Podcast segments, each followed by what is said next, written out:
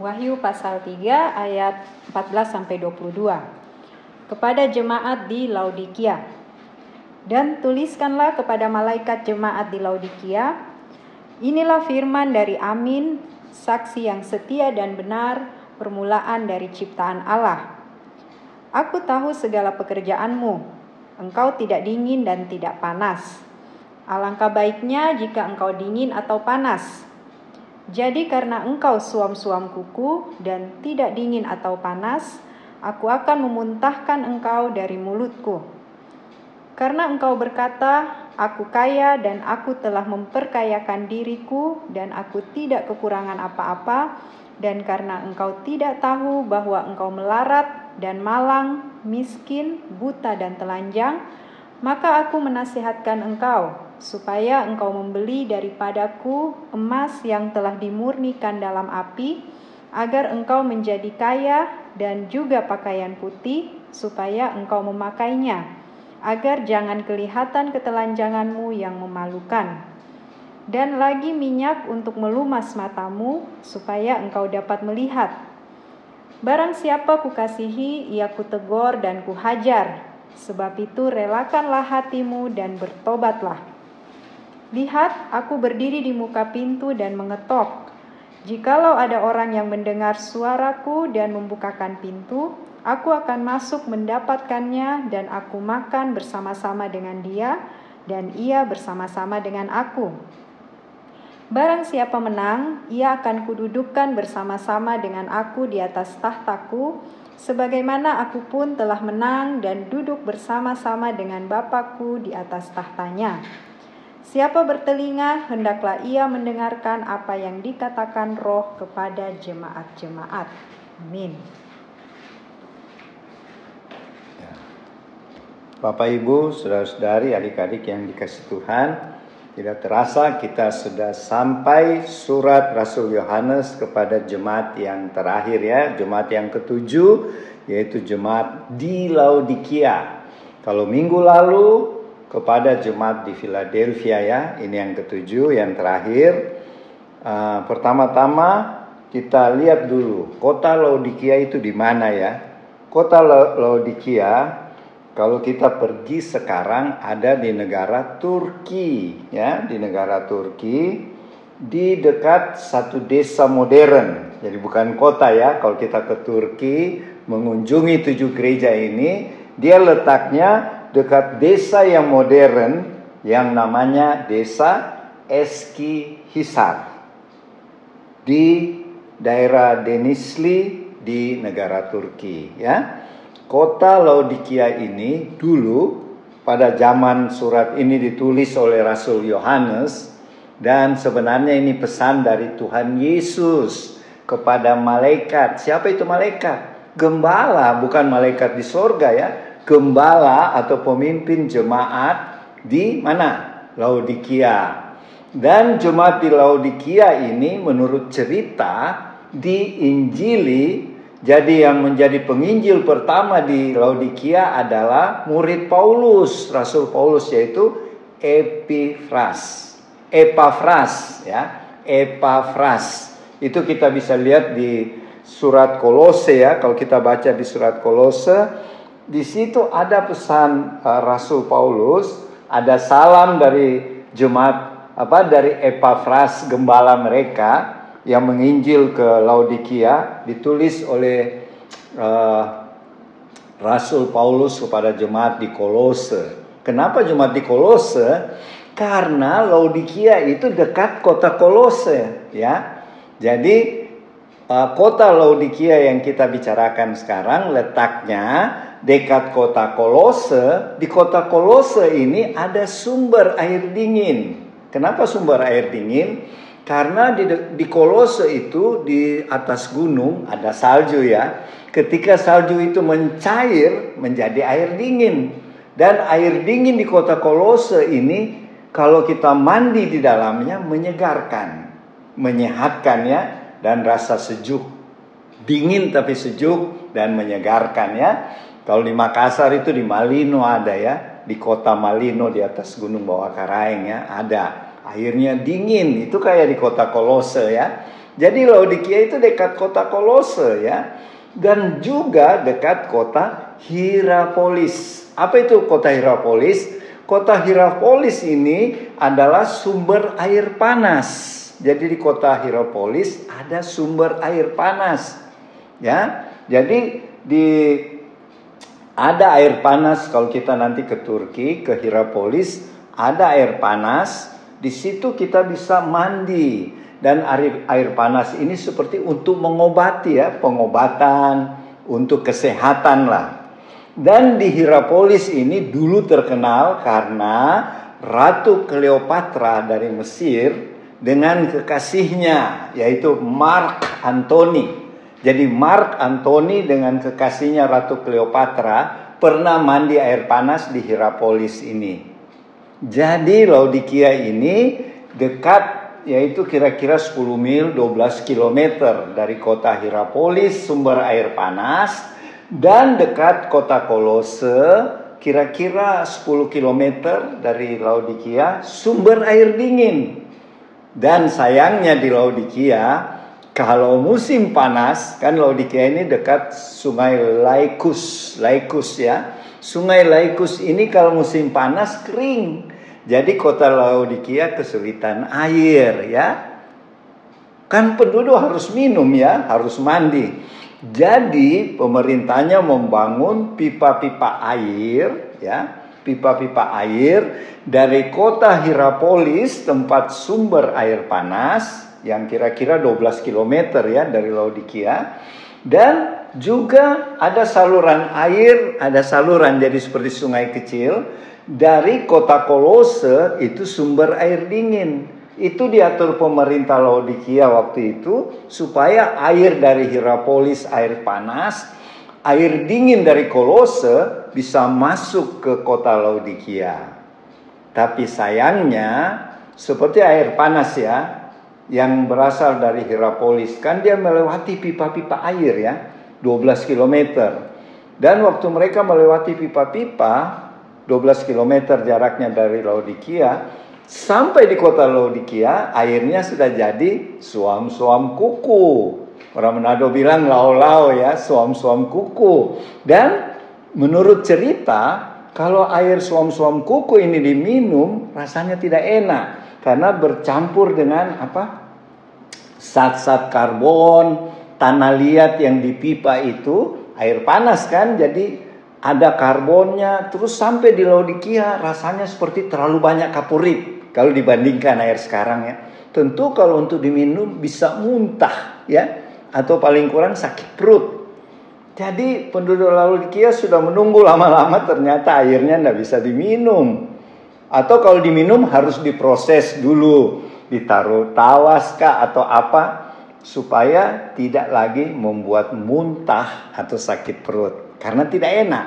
Dan begitu juga air dingin yang dari Kolose ketika melewati aliran air yang dibuat oleh pemerintah Laodikia itu sampai di Laodikia menjadi suam-suam kuku juga. Jadi tidak dingin, tidak panas. Nah, gambaran inilah yang dipakai Tuhan Yesus menilai rohaninya orang jemaat Laodikia. Tuhan Yesus berpesan kepada Rasul Yohanes, "Aku adalah ya dan amin. Aku adalah saksi setia." Maksudnya Tuhan Yesus mau memperkenalkan identitasnya bahwa dia ini Tuhan yang sejati ya. Tuhan kalau berkata ya ya, kalau Tuhan janji Tuhan selalu tepati dan setia. Dan Rasul Yohanes kirimi surat katakan kepada jemaat di Laodikia, kamu ini sayangnya tidak panas, tidak dingin, suam-suam kuku. Kalau saya mau, kamu lebih baik panas, panas atau dingin. Kenapa ya? Nanti kita pelajari. Kenapa Tuhan Yesus tidak suka suam-suam kuku? Ya, Tuhan Yesus mau Jumat di Laodikia itu harus panas, menyala-nyala atau sekaligus dingin saja, menyejukkan. Kenapa? Karena begini, penyebabnya Jumat Laodikia itu suam-suam kuku. Pertama, Laodikia itu kota yang besar ya dan pusat perdagangan waktu itu. Perdagangan apa? yang didagang waktu itu adalah kain wol. Kain wol karena banyak domba di sana ya.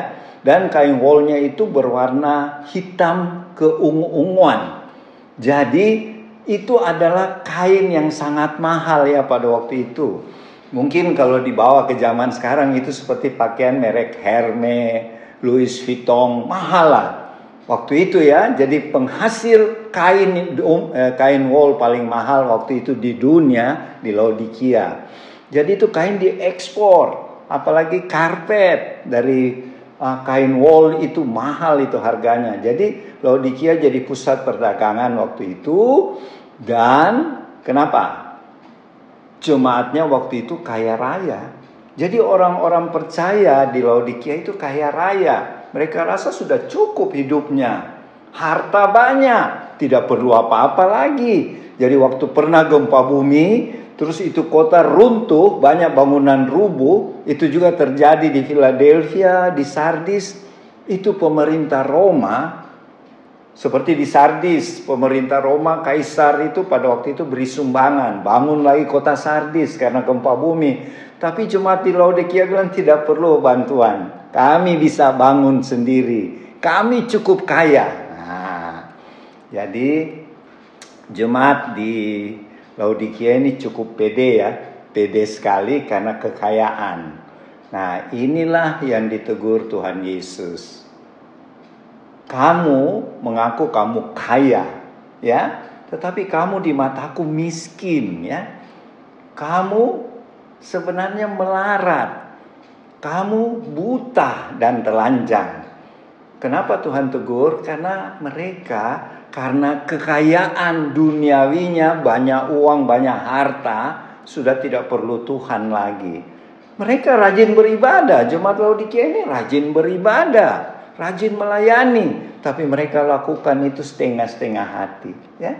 Seperti gini, kalau tidak melayani tidak enak. Nah ini koreksi buat kita. Jangan-jangan kita juga demikian. Kenapa demikian saudara-saudara? Karena mereka sudah dihimpit oleh kekayaan dunia.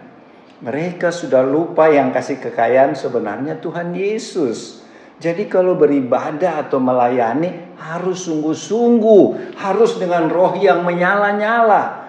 Jangan suam-suam kuku, jangan setengah-setengah. Tuhan tahu, kalau Tuhan tahu kita melayani Tuhan, menyanyi saja setengah-setengah, berarti itu kita suam-suam kuku ya. Tuhan Yesus katakan, aku akan memuntahkan kamu. Tuhan jijik. Jadi ingat ya, mungkin warlot, kita sudah terlalu banyak pelayanan, banyak berdoa melayani Tuhan, menyembah Tuhan, baca Alkitab. Tapi kalau kita lakukan itu cuma rutinitas, tidak karena kasih, tidak karena cinta sungguh-sungguh pada Tuhan Yesus, itu sebenarnya termasuk suam-suam kuku. Itu di mata Tuhan tidak baik ya. Tuhan tidak mau dikasih setengah-setengah hati. Cobalah kamu kalau saling mencintai, terus kamu tahu kekasihmu setengah hati sama kamu. Apalagi Tuhan ya. Itulah yang dimaksud Tuhan tidak suka yang suam-suam kuku. Jadi mulai sekarang teman-teman, kalau kita memuji Tuhan harus sungguh-sungguh seperti dari dalam hati kita. Kita tulus, kita opa selalu sarankan waktu menyanyi, bayangkan Tuhan Yesus ada di depanmu yang sedang mendengar kita memuji Dia.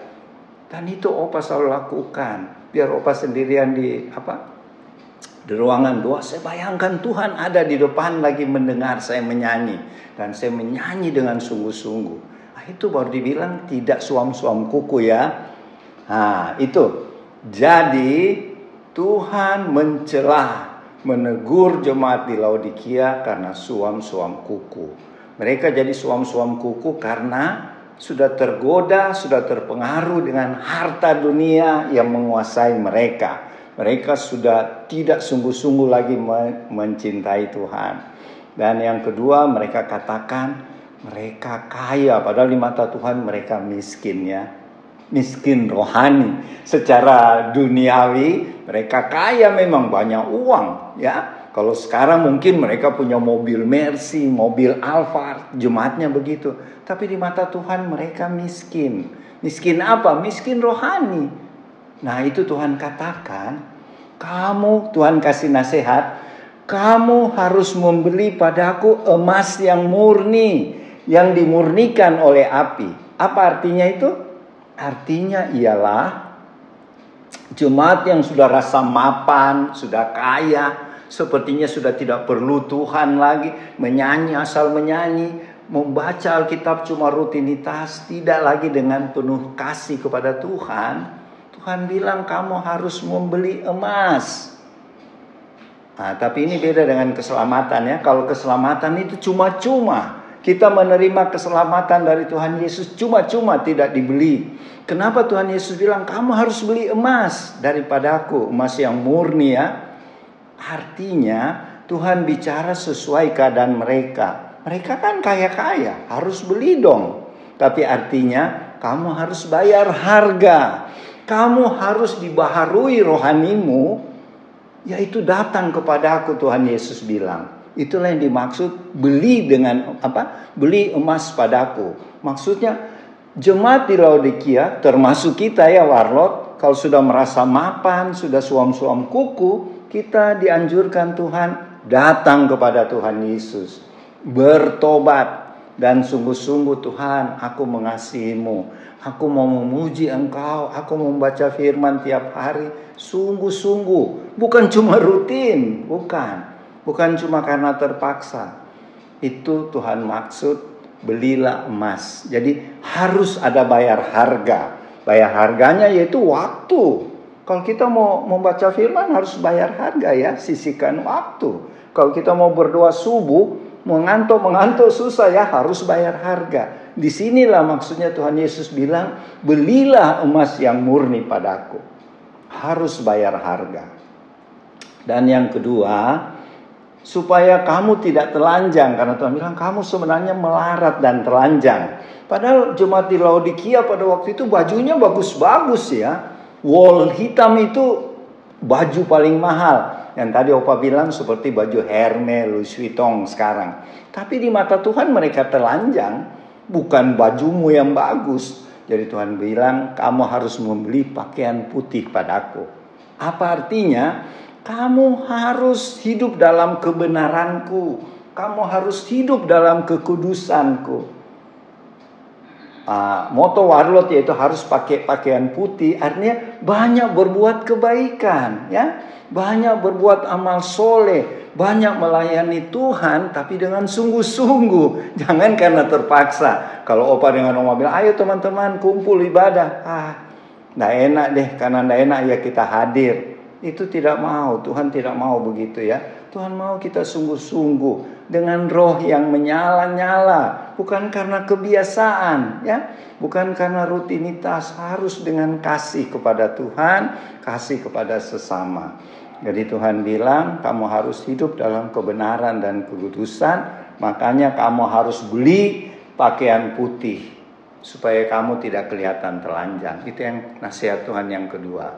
Pertama, kamu harus membeli emas murni, yaitu kamu harus merubah caramu beribadah. Kamu harus apa? dekat kepadaku. Yang kedua, harus hidup dalam kebenaran kekudusan Tuhan. Dan yang ketiga Tuhan bilang kamu uh, di sini memang produksi salep ya saya lupa ya. Kota Laodikia dulu ada sekolah kedokteran situ ya. Ada fakultas kedokteran dan mereka menghasilkan obat dua macam. Obat untuk telinga dan mata. Jadi dulu kalau orang ada sakit mata karena luka atau apa, taruh salep dari Laodikia sembuh. Tapi di mata Tuhan kamu buta. Buta apa? Buta rohani.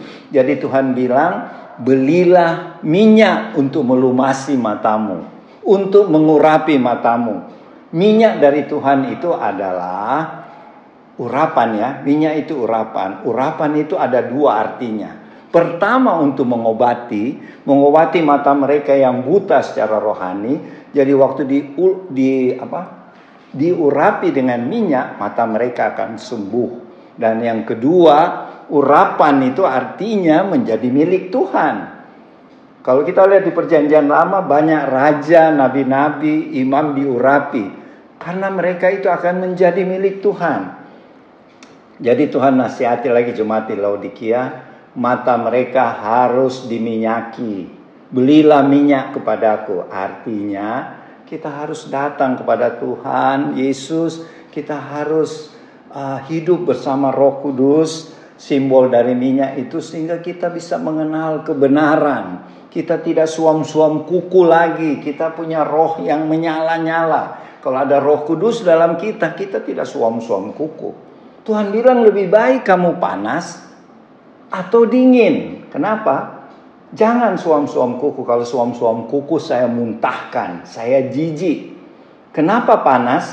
Karena ingat ya, Tuhan pakai keadaan di Laodikia, air panas dari Hirapolis untuk menyembuhkan kan sebagai obat. Jadi kalau orang mandi di air panas itu menyembuhkan kita juga atau Jumat di Laodikia dan kita warlot orang Kristen zaman sekarang harus panas dalam arti kita bisa menyembuhkan orang lain. Kita bisa melayani jemaat, melayani non jemaat supaya bisa mereka disembuhkan dari sakit mereka, dibebaskan dari roh-roh jahat dan lain-lain. Dan yang kedua Tuhan bilang lebih baik kamu dingin. Kalau bukan panas, panas artinya tadi ya, yaitu kita melayani jemaat dengan sungguh-sungguh, dengan penuh sukacita. Dingin artinya kita bisa menyejukkan orang lain. Orang lain mungkin yang lagi galau, lagi gundah, lagi putus asa, kita bikin sejuk jiwanya. Kita bikin satu uh, kesejukan di hatinya sehingga mereka tidak jadi bunuh diri misalnya. Jadi Tuhan mau kita panas atau dingin, jangan suam-suam kuku. Ya, itu pesan Tuhan dan kemudian Tuhan katakan, Aku berdiri di depan pintu dan mengetok. Ada gambarnya, ada biasa kita lihat gambar di dinding Tuhan Yesus mengetok. Artinya waktu itu Tuhan Yesus ada di luar jemaat Laodikia. Jadi mereka lagi ibadah di gereja, Tuhan masa malah di luar gereja. Kasihan ya, Tuhan mengetok-mengetok. Kenapa? Karena mereka melakukan ibadah cuma rutinitas. Hati-hati ya. Kita jangan kita juga memuji menyembah Tuhan, kita bikin ibadah warlot, tapi Tuhan sudah tidak hadir. Tuhan malah ada di jalanan. Hati-hati. Itu karena suam-suam kuku ya. Jadi Tuhan tetap mau kita sadar, kita bertobat sampai Tuhan mengetok. Tuhan bilang siapa yang dengar ketokanku dan buka pintu saya akan masuk dan duduk makan bersama dia. Luar biasa ya. Tuhan masih mau jemaat Laodikia bertobat karena Tuhan Yesus mengasihi. Selanjutnya Tuhan katakan, kamu akan kutegor dan kuhajar. Bahasa aslinya itu hajar dicambuk loh. Jadi Tuhan bilang karena aku mengasihi jemaat Laodikia, aku menasihati, dengarlah nasihatku, bertobatlah, kalau tidak saya cambuk kamu. Tuhan tidak segan-segan mencambuk ya supaya sadar. Ya, orang selalu ah Tuhan Yesus Maha Pengasih. Di sini Tuhan bilang bahasa aslinya aku akan menghajar, mencambuk. Dan kalau kita bertobat dan kita sungguh-sungguh pada Tuhan tidak lagi apa namanya? suam-suam kuku, kita akan janji Tuhan kita akan duduk makan bersama dia. Kalau kita buka pintu, kembali kepada dia, menyuruh Tuhan Yesus masuk, dan kemudian Tuhan janji, kamu akan duduk bersama aku di tahtaku, memerintah bangsa-bangsa. Hebat ya janji Tuhan luar biasa. Marilah teman-teman warlot, keluarga warlot, bapak ibu saudara-saudari, adik-adik, jangan punya rohani yang suam-suam kuku harus panas dan dingin ya. Itu yang bisa saya sampaikan tentang Jemaat Laodikia dan nanti akan disempurnakan ditambah lagi oleh Oma Pala ya. Tuhan Yesus memberkati. Shalom.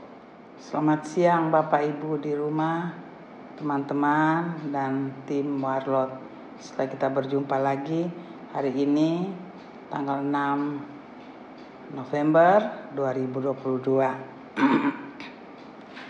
Hari ini kita membaca sudah tiba pada pembacaan Wahyu 3 kepada jemaat di Laodikia ya, jemaat terakhir. Ya, yang tadi sudah dimulai oleh dari Opa bagaimana kehidupan jemaat Laodikia. Kita sudah membaca semua Saya tidak mengulang lagi, saya hanya tekankan bagaimana itu hidup suam-suam kuku. Tadi juga Opa sudah katakan suam-suam kuku tidak panas, tidak dingin, ya.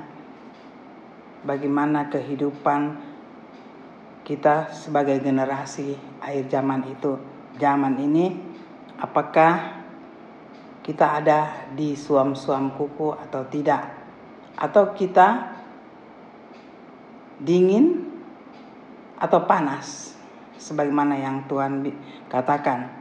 Kalau saya renungkan adalah Suam kuku tadi bisa diartikan yang kita sudah baca pada semua semua di rumah pasti mengerti tidak panas tidak dingin ya tetapi yang saya bawa renungkan saya renungkan pembacaan ini ini tidak ada di luar daripada Tuhan ya tidak tidak di tidak juga karena kita orang supernatural, jadi kita tidak berbicara secara supernatural dalam hal ini ada roh di luar Tuhan. Ya, semua ada di dalam Tuhan. Tuhan katakan lebih baik kamu dingin atau panas. Tetapi ada hal-hal juga tak kalau kita tidak hati-hati iblis bisa masuk di situ. Jadi saya merenungkan ini dingin atau panas tetap ada koridor Tuhan di situ. Cuma Tuhan mengingatkan kita. Lebih baik kamu dingin atau panas. Kalau saya bawa pengertian itu dingin, kita tahu Tuhan. Kita tahu kehidupan dalam Tuhan. Tapi tidak kita tidak bergairah ya. Ada banyak mungkin saya coba nalar saya sebagai manusia kita tahu Tuhan tapi kita sudah tidak bersemangat lagi ya. Karena kehidupan dunia sangat menekan kita. Kita tidak tahu caranya. Akhirnya apakah apa saja yang kita lakukan?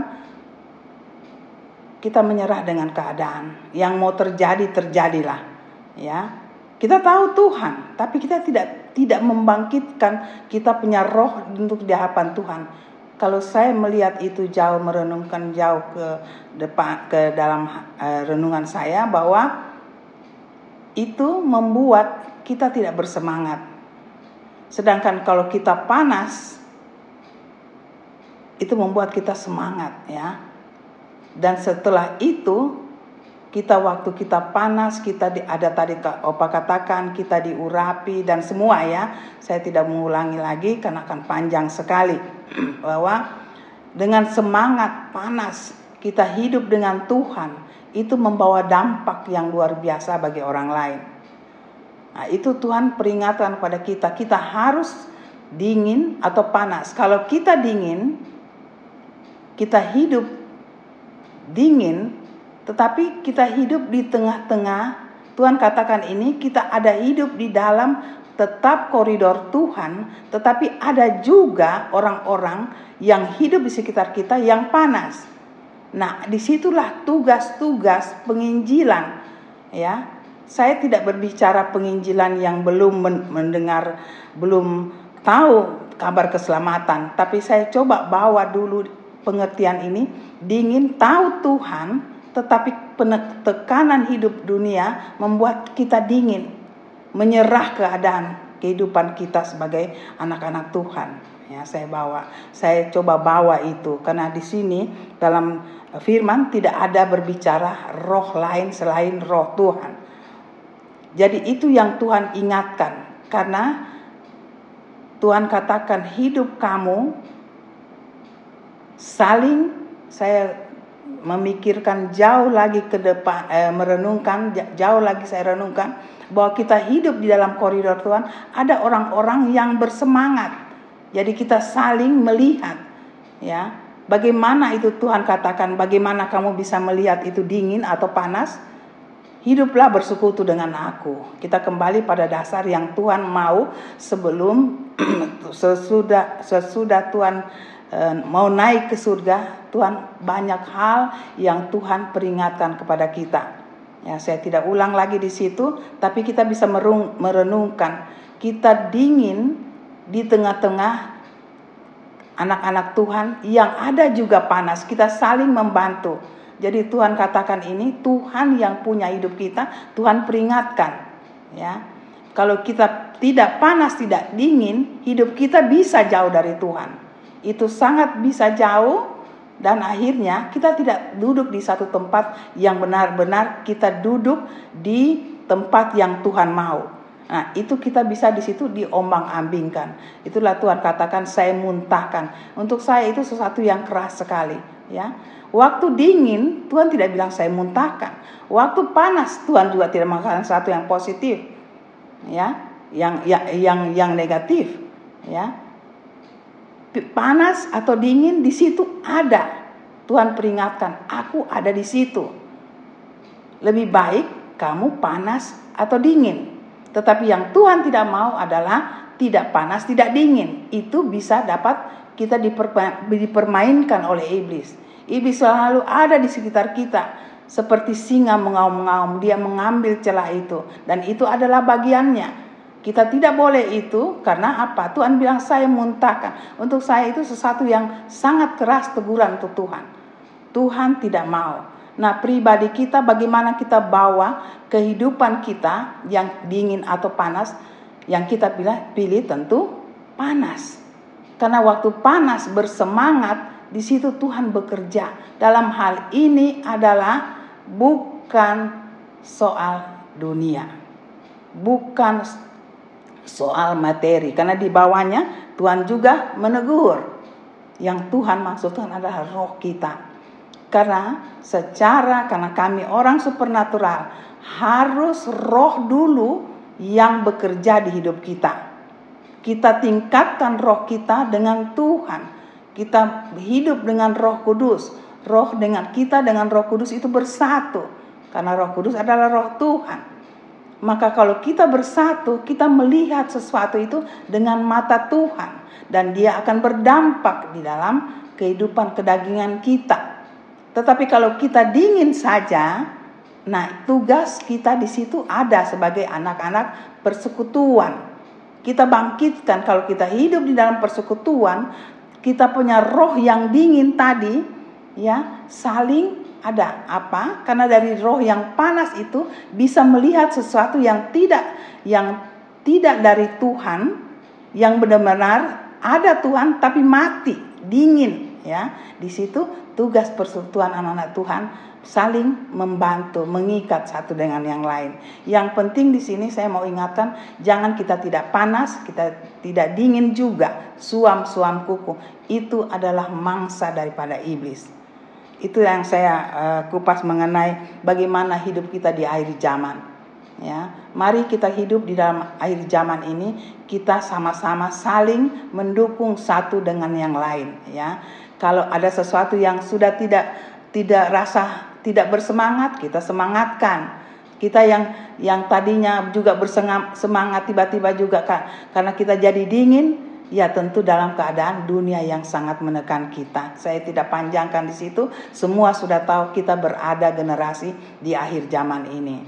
Dan Tuhan katakan, saya tidak ulang lagi karena Opa sudah katakan bagaimana kita harus apa memakai uh, jubah adalah uh, pertama adalah kita emas jubah dan atau baju dan terakhir adalah um, apa ya yang terakhir itu mengenai uh, ya yang minyak ya mata kita. Itu adalah panca indera kita ya. Bagaimana orang lain ya terutama dunia melihat kita. Dunia melihat kita kita memakai hidup kita adalah Tuhan ya. Saya cuma ulangi sedikit saja bahwa emas itu adalah Tuhan Orang dunia melihat kita Tuhan, ada hidup Tuhan di dalam hidup kita. Kita penuh kekudusan dan mata kita adalah mata Tuhan, ya. Mata yang dilumasi, ya.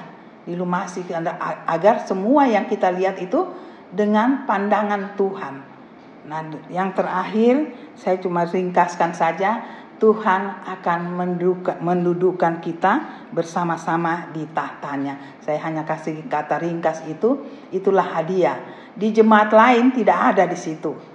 Tapi jemaat Laodikia adalah Tuhan katakan kalau kamu berusaha ini kamu menang maka aku dudukkan bersama engkau bersamaku di tahtaku. Jadi di situ menjadi titik tolak saya ber, kenapa saya bilang tidak ada di situ roh lain, roh iblis selain roh Tuhan. Cuma kehidupan anak-anak Tuhan perlu saling membantu, saling menegur ya. Di sini Tuhan bilang saya menegur, saya mencambuk bisa keras. Bukan karena iblis, di sini tidak ada berkata roh lain. Tapi kita tidak sendiri tahu, sadar. Saya ulangi, mungkin keadaan dunia menekan kita sampai kita malas, ya. Tapi saya ingatkan yang paling sangat penting di sini kita anak-anak Tuhan harus hidup bersekutu dengan Tuhan.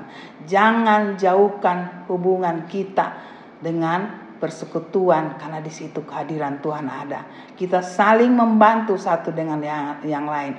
Jangan hidup dunia keadaan dunia menekan kita sampai kita jadi dingin, ya. Tapi kalau kita hidup bersekutu dengan Tuhan, kita saling membantu satu dengan yang lain sebagai anak-anak Tuhan.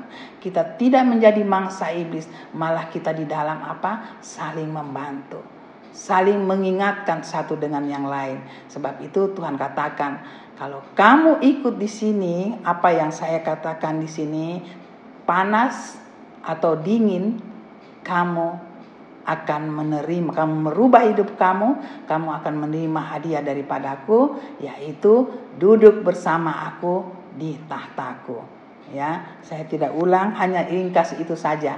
Jadi saya ulang lagi, panas atau dingin kita memilih ya kita dikasih hadiah oleh Tuhan. Kalau kita bisa rib, uh, rubah maka hidup kita akan bersama-sama Tuhan duduk di tahtanya. Hanya itu saya tidak panjang lebar karena kalau mau dikupas satu-satu akan panjang sekali ya.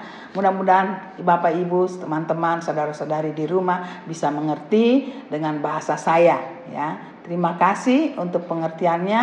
Tuhan akan memberi dengan karya Roh Kudus memberi pengertian yang lebih dalam. Tuhan memberkati. Amin. Sampai kita jumpa lagi di minggu depan. Tuhan memberkati.